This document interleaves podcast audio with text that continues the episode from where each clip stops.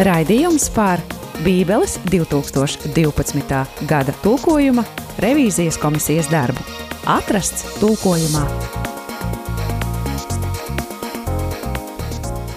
Labdien, labdien! Ir atkal otrdiena. Mans vārds Mārcis Kalns. Skan raidījums. Pareizi sakot, ir atkal otrdiena pēc divām nedēļām, un skan raidījums atrasts tulkojumā. Un mūsu šīs dienas viesi ļausim viņiem stādīties priekšā pašiem. Labdien, Jānis Rudzīts Neimans. Sveicināti, Andris Pešelis. Un, kungi, par ko tad šodien mums būs runa?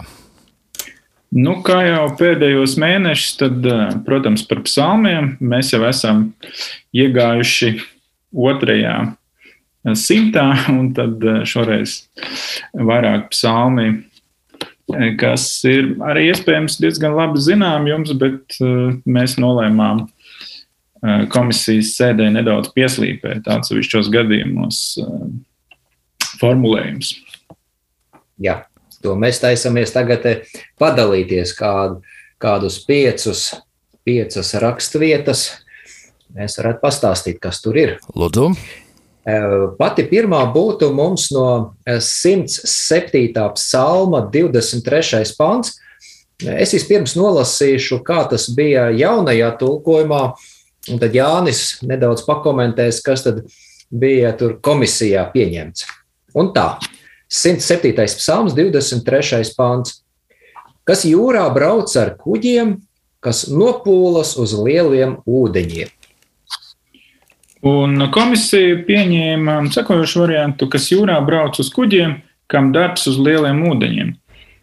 Um, nu, šo piemēru es izvēlējos varbūt kā tādu nelielu ievadu tam, jo Nevienmēr tie varbūt ir tādi ļoti sarežģīti teksti, par kuriem mēs runājam.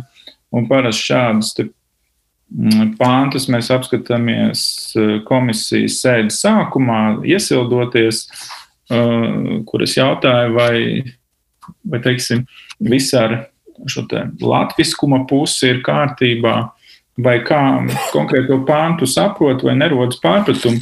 Šajā gadījumā Eh, tas vārdiņš nopūlās varētu radīt eh, tādu divdomīgu uh, iespaidu, un mēs samērā ātri vienojāmies par to, ka esošais variants, ko es nolasīju priekšā, būtu, kam darbs tad, tad būtu varbūt precīzāks, tā ir tad, tirgošanās. Uh, 65. gadā bija darījumi. Jā, no nu, nopūlas, darījumi, darbs. Nu, viņi kaut kur tur ir līdzās, jā, viņi tur ir veids zināmu biznesu jūras braucienos un tirzniecībā, jā, un, protams, te tie vārdi var būt tur niansēti, jā, bet, nu, mēs tā, tur bija tas, šis latviskais, jā, kādā veidā to latvisku izteikt. Jā, jā, citādi sanākt, ka viņi tur uz jūras stradājot, stradaķi. Nopūlās. Nu, nu, nu, pūles, pūlē, pūlēties. Jā, jā, tur kaut kāda pieskaņa ir tāda. Jā. Nu, jā, tad likvidēt šo te varbūt divdomīgo um, traktējumu. Lai... Jā. Reizēm, reizēm ir arī pretēji, ka mēs varbūt nevēlamies uh, laupīt uh, dažādas iespējas, ko tiešām teksts piedāvā, bet nu, šajā gadījumā Arī mm. laupīt, tā tas ir lasāms. Nu, jā, nu varētu arī šis pirāta nu, variants. Nu, tā, tādi laiki bija. Jā. Bet, nu. nu, šeit jau netiek precizēts, kas ir bija. Tikai teikts tā, ka viņiem tur bija lielas, lielas grūtības kuģošanas laikā, un tad, nu, attiecīgi viņi piesauca Dievu, un Dievs viņus izglāba no tās vētras, kur viņi iekļuva. Labi, varbūt varam iet tālāk. Jā, jā, jā. nākamais 108. psalms. 108. psalms, 10. pants. Moabs ir mans mazgājamais kubuls, Edomā mēs uzsviežu savu kurpi, Filistija brēc man pakaļ. Ah, nē, Filistija brēc manis dēļ. Jā, un Variants, par ko mēs vienojāmies, ir um, sekojošs. Tad Moāps trauks, kur man noskaloties, Edomas vieta, kur man nomest kurpi, Filistī tur atskanēs mans uzvaras gavilis. Nu, šis ir tāds ļoti interesants teksts. Es domāju, ka mēs varam vairāk apstāties, lai parunātu par to. Um, nu, jāsaka tā, bija arī vēl citi varianti, ko redaktori ieteica. Um, piemēram, Edomam sviežu savu kurpi vai pār filistijas gavilēšu. un, Interesanti, ka šis pats teksts parādās arī 60. psalmā. Un tas ir tāds, um, viens no piemēriem tam, ka um, vecā darbā var vairāk parādīties viens un tas pats teksts, bet dažādās vietās ar uh, dažādu kontekstu. Nu, Tad mēs redzam, ir pieminētas trīs tautas valstis. Arī pirms tam iepriekšējā pantā parādās Efraims un Jūda. Viņu gadījumā tur ir attiecīgi pieminēts uh, nu, būtībā ķivere un vai bruņu cepura latviešu un jūda man zizls. Nu, tā, tā ir tad atsauce cevišķi jūdas gadījumā uz 1. mūža grāmatu 49 kur ir runa par 12 ciltīm, tad uz šo pirms monarhijas laiku. Un šis zīles norāda, tad nu, skaidrs, ka uz jūdas varu un autoritāti, bet šīs trīs tautas, kas ir pieminētas desmitā pantā, nu, tie, protams, bija kaimiņi, un te parādās dieva attieksme pret pret šīm tautām. Nu, Moabs kā mazgājumais trauks raksturots, tad nu, jāņem vērā, ka Moabi bija teritorija, kas robežojas ar nāvis jūru. Tāds varbūt um, nu, nāvis jūrā pamazgāties uh, vai tās apkārtnē. Nu, tas tāds, nu, ja padomā, tāds diezgan ironisks apzīmējums. Un tad nākamais, kas tur ir Edoma, tā arī atrodas turpat blakus, vēl vairāk uz, uh, uz dienvidiem. Un šī kurpes ir, nu, precīzāk būtu droši vien sandāls, mešana, tā, protams, ir tāda sena paraža. Vairāk kāds, citu arī vecā darbā pieminēt, um, Rūtas grāmatā parādās, piemēram, um, šāda sviešana arī 5. mūzes grāmatā. Nu, bet, bet tā ir tāda negatīva diezgan. Jā, bet tas demonstrē šo arī attieksmi, ka tu tādā veidā izsaki kaut kādas pretenzijas arī uz teiksim, zemes īpašumu, ka tu kaut ko vēlies pārņemt savās rokās. Tā kā, nu, Bet austrumos vēl joprojām, piemēram, Džordžs Bušs, kad viņš bija Bagdādē, tad viņam tur arī žurnālists ar kurpēm meta, ja tas bija tāds negatīvs. Jā. Tā kā šeit nu, varbūt kaut kas līdzīgs ir. Nu, un Filistīs gadījumā arī, protams, tiek parādīts, ka pār viņu triumfēs. Nu, tas, protams, ir jautājums par šo politisko kontekstu, kas šim te tekstam iet apakšā. Mm, protams, teksts ir ļoti lakonisks, nu, latviski, cik varēja to, to varēja izteikt, bet, nu. Kad viņš jau apmēram atvaino kurā laikā viņš varētu būt sarakstīts? Nu, laikā, kad vēl, protams, viss šīs valsts pastāvēja, tad nu, tas bija nu, monarhijas laiks. Tas nozīmē, ka visticamāk, jā. Nu, šīs visas trīs valstis nozīmē, nu, sākot no kāda 9. gadsimta līdz nu, kādam 7. 6. gadsimtam. Pie, piedēvē pašam Dāvidam šo savu. Nu, jā. Ar vārdu sakot, nu, tas nav tas, ka tas, tas laiks, kad bija divas valsts. Tā vēl tā viena monarhija, tu saki. Nē, nē, abas Kopīgi. divas, abas divas. Nu, faktiski e, te ir pieminēts nu, Efraims. Tas ir pēc Salamana, ja? Nu, jā, jo Efraims ir tāds uh, nicinošs vārds. E, nereti mēs palasām ceļu Hozejas grāmatu par šo ziemeļu valstu Izraēlu. Tad tur tas parādās izteikti tādā, nu, nievājošā nozīmē, ka nu, no Izraels palicis pār tikai tas reģions, kur faktiski ir šī tefraņa cilts. Kas ir interesanti, šis, te,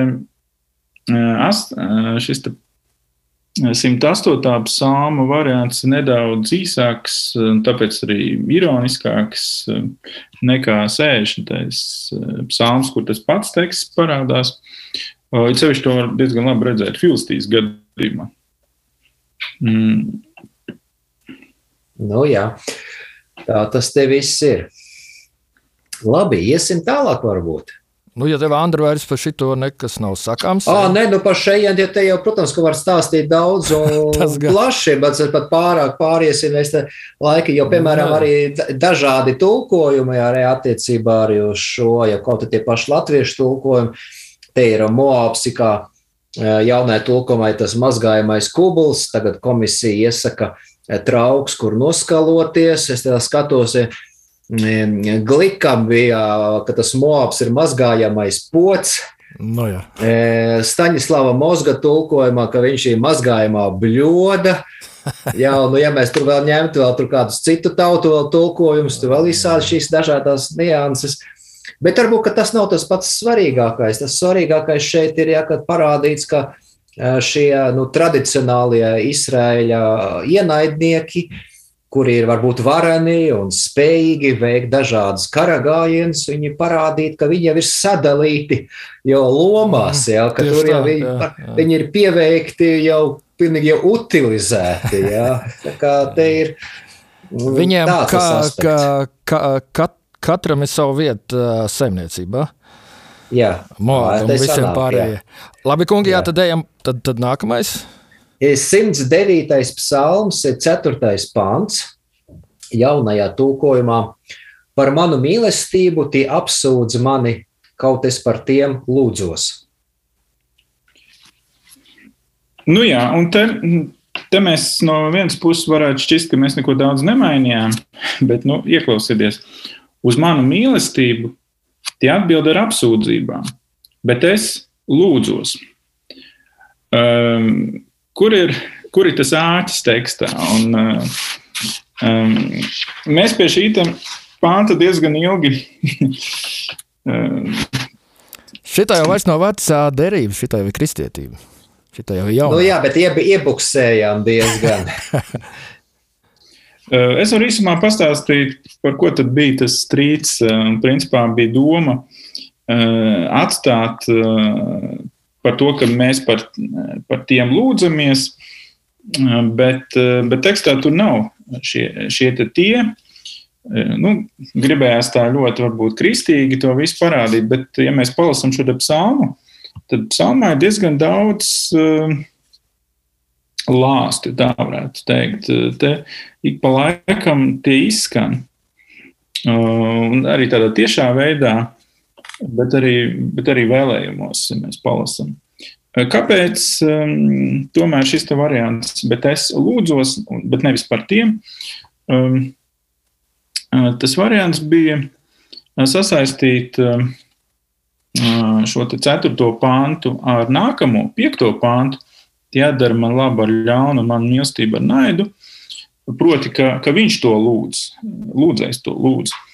Bet um, mēs paskatījāmies, eh, kā tad eh, tālāk šis te, uh, pāns attīstās, un secinājām, ka faktiski to, to ko lūdzējs, lūdz.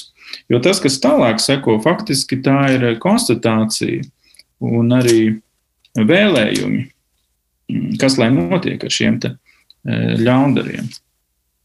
Tā kā nu, šāds te risinājums gal galā pēc tādiem salīdzinoši ilgiem dažādu viedokļu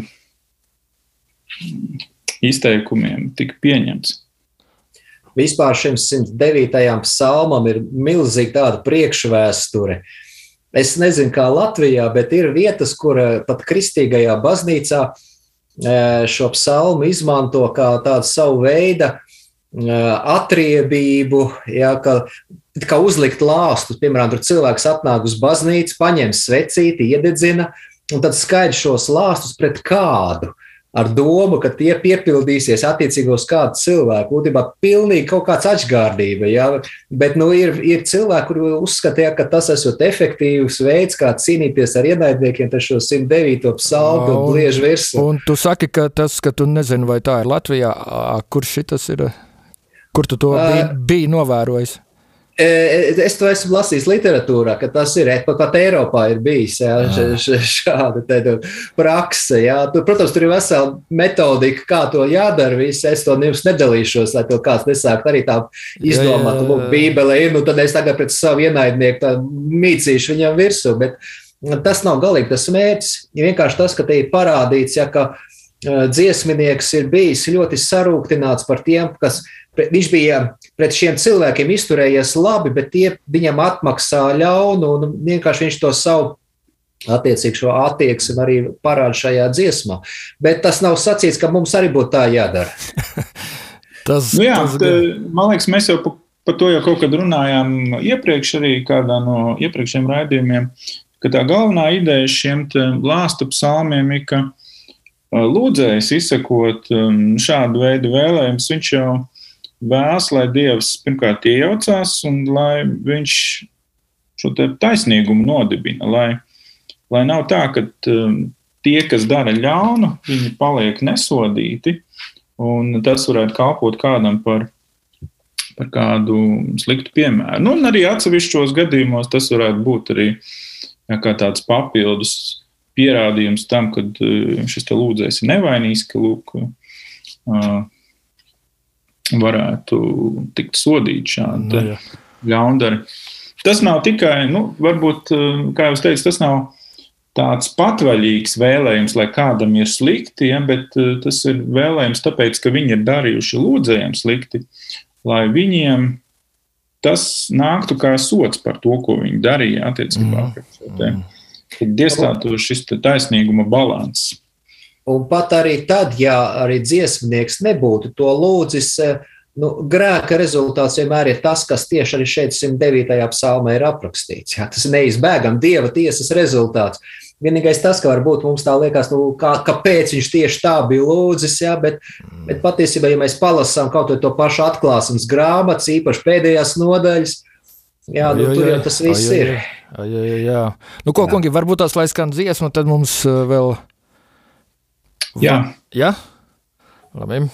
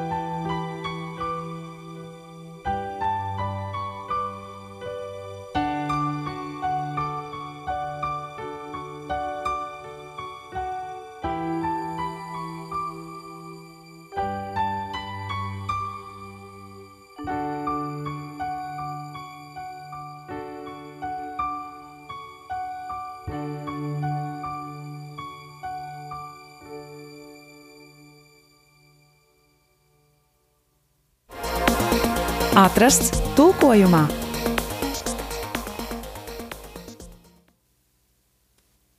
Tā, mēs atkal esam atpakaļ studijā, un vēl, vēl mums ir divi punkti. Jā, Sa- 110. psalmu fragments. 110. psalms, 3. 4. pāns, jaunajā tulkojumā. Tava tauta ziedojās dienā, kad tavs karaspēks svētajos kalnos kā rasa nausmas klēpja tavi jaunekļi dodās pie tevis. Kungs ir zvērējis un neatsacīsies uz mūžam tu priestris pēc Melhisedeka. Jā, un jaunajā tulkojumā, ā, tulkojuma redakcijā, kā mēs to pieņēmām pēdējā sēdē, pān, šie divi pāns skan šādi. Tavas varenības dienā tauta veltīsies tev svētā greznumā, kā rasa no ausmas klēpja, tavu jauniekļi nāks pie tevis. Kungs ir zvērējis un neatsacīsies uz mūžiem, tu priesteris, kā Melhisedeks. Noteikti klausītājiem ir grūti orientēties, ja tur ir liels rakstu vietas, kas tad ir mainījies. Nu, un kas mums ir mainījies? Nu, pirmkārt, sāksim varbūt ar to mm, vieglāko, ar 4. pāntu. Eh, Tur tās izmaiņas ir ļoti minimālas. Tad tad 12. gada tulkojumā bija priesteris pēc Melkisedeka, ko mēs mainījām uz priesteris kā Melkisedeka. Eh, Nu, bija vēl variants eh, pēc eh, Melkisedeka eh, kārtas eh, ieteikums, bet, nu, eh, palikām pie tāda lakoniskākā kā Melkisedeks. Esošais variants, priesteris pēc Melkisedeka arī, kā jau es pašā sākumā teicu, var radīt tādas divdomīgas interpretācijas. uh, Tāpēc um, šis te kā noteikti skan labāk nekā pēc. Um, Melkisedeks droši vien, Melkisedeka vārds droši vien ir labāk zināms no jaunās darības, bet vecā darbā tas parādās faktiski divās vietās. Pirmo reizi, pirmā mūža grāmatā 14, kur iznāk šālems ķēniņš pretī Ābramam, tad, tad viņš ir gan ķēniņš, gan priesteris vienā personā, un arī šis tas 110. psalms, kas, protams, ir sasaistāms ar attiecīgi šo pirmo mūža grāmatu 14. Um, interesanti, ka ir pietiekami daudz tekstu slavenajos kumrāns, nāves jūras tīstokļos. Šis Melkisedekas tēls parādās arī